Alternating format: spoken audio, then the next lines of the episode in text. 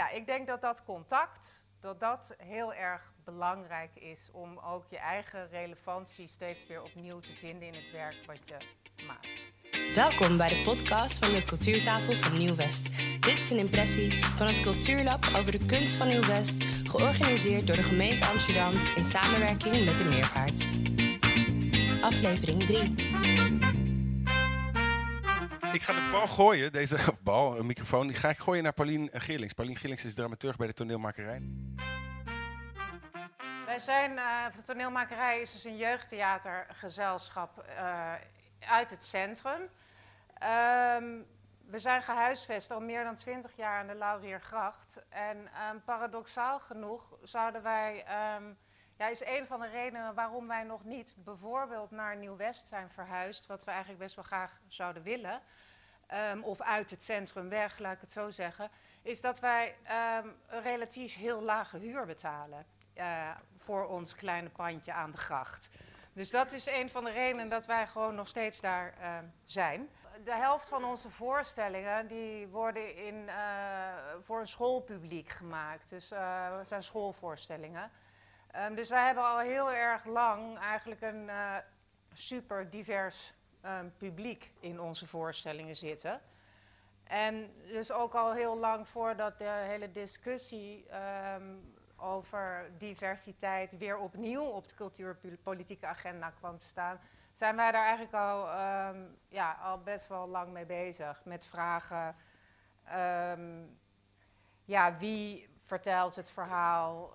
Um, kunnen die kinderen in onze zaal zich identificeren? Voelen ze zich gerepresenteerd door um, de mensen op het podium? Um, nou ja, al dat soort vragen die spelen dus al, al lang in ons, in ons werk. en daartoe proberen we ons ook in, nou ja, ook in ons personeelbeleid te verhouden. Dat gaat moeilijker. Niet in, ik bedoel, dan de vaste medewerkers op kantoor, zeg maar. Maar Um, in de casting, in, um, in, schrijvers met wie we werken, is dat al veel verder. Dramadocenten, noem maar op, is dat al veel verder doorgevoerd.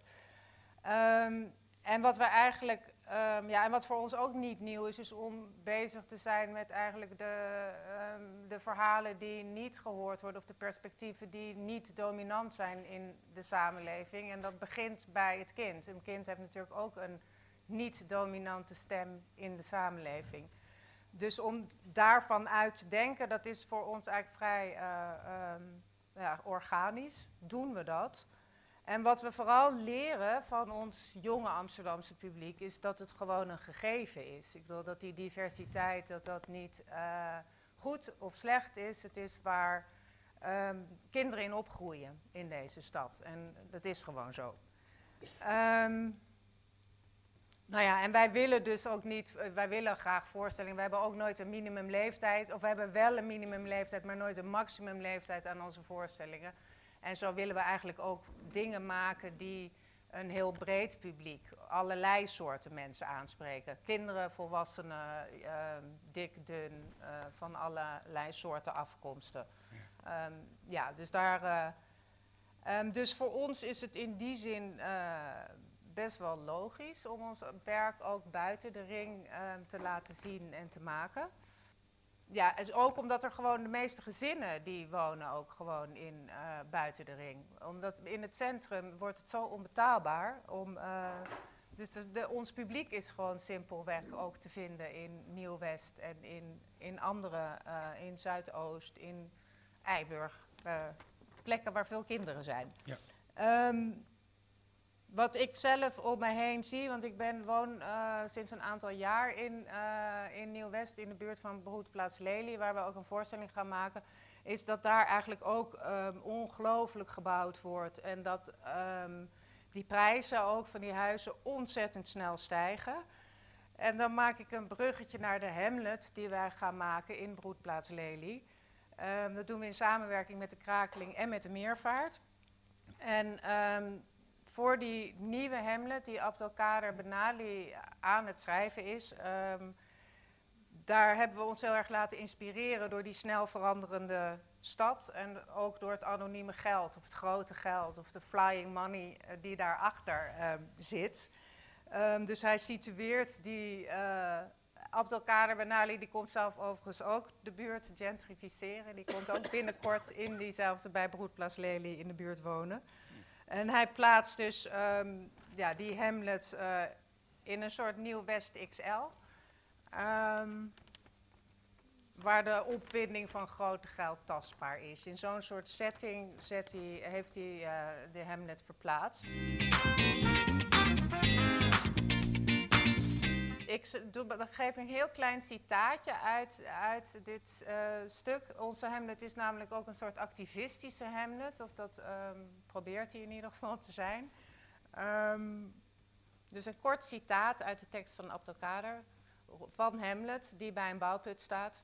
Roep de mensen bij elkaar. Wat willen de jongeren, wat wil de wijk? Laat je stem horen. Gooi je deur open voor de mensen die in het gat verblijven en nergens anders kunnen wonen.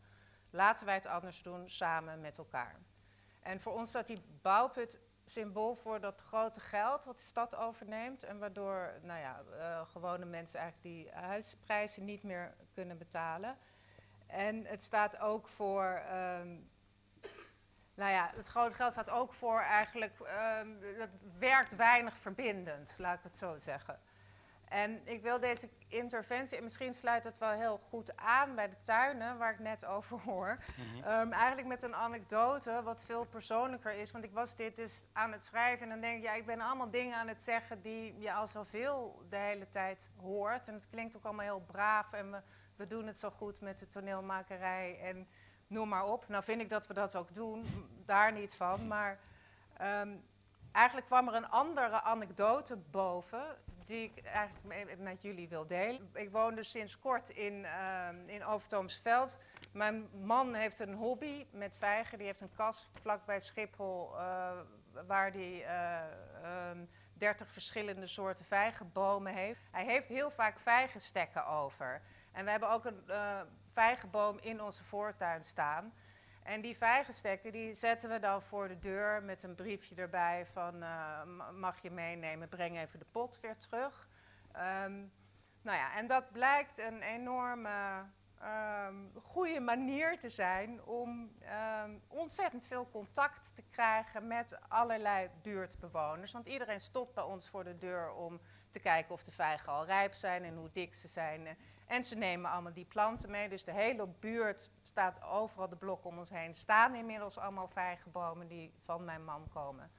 En um, ja, ik denk dat dat contact, dat dat heel erg belangrijk is om ook je eigen relevantie steeds weer opnieuw te vinden in het werk wat je maakt. Nou, daar hou ik dan. Dankjewel voor deze interventie, ja. Pauline. Mooie anekdote ook. Uh, wat mij betreft, ons dorpplein blijft hetzelfde, maar misschien moeten ze jouw buurt wel de Vijgenbuurt gaan noemen dan. Dit was een aflevering van de Cultuurtafel van Nieuw-West. Bedankt voor het luisteren. Wil je doorpraten? Word dan lid van de Facebookgroep Cultuurtafel van Nieuw-West.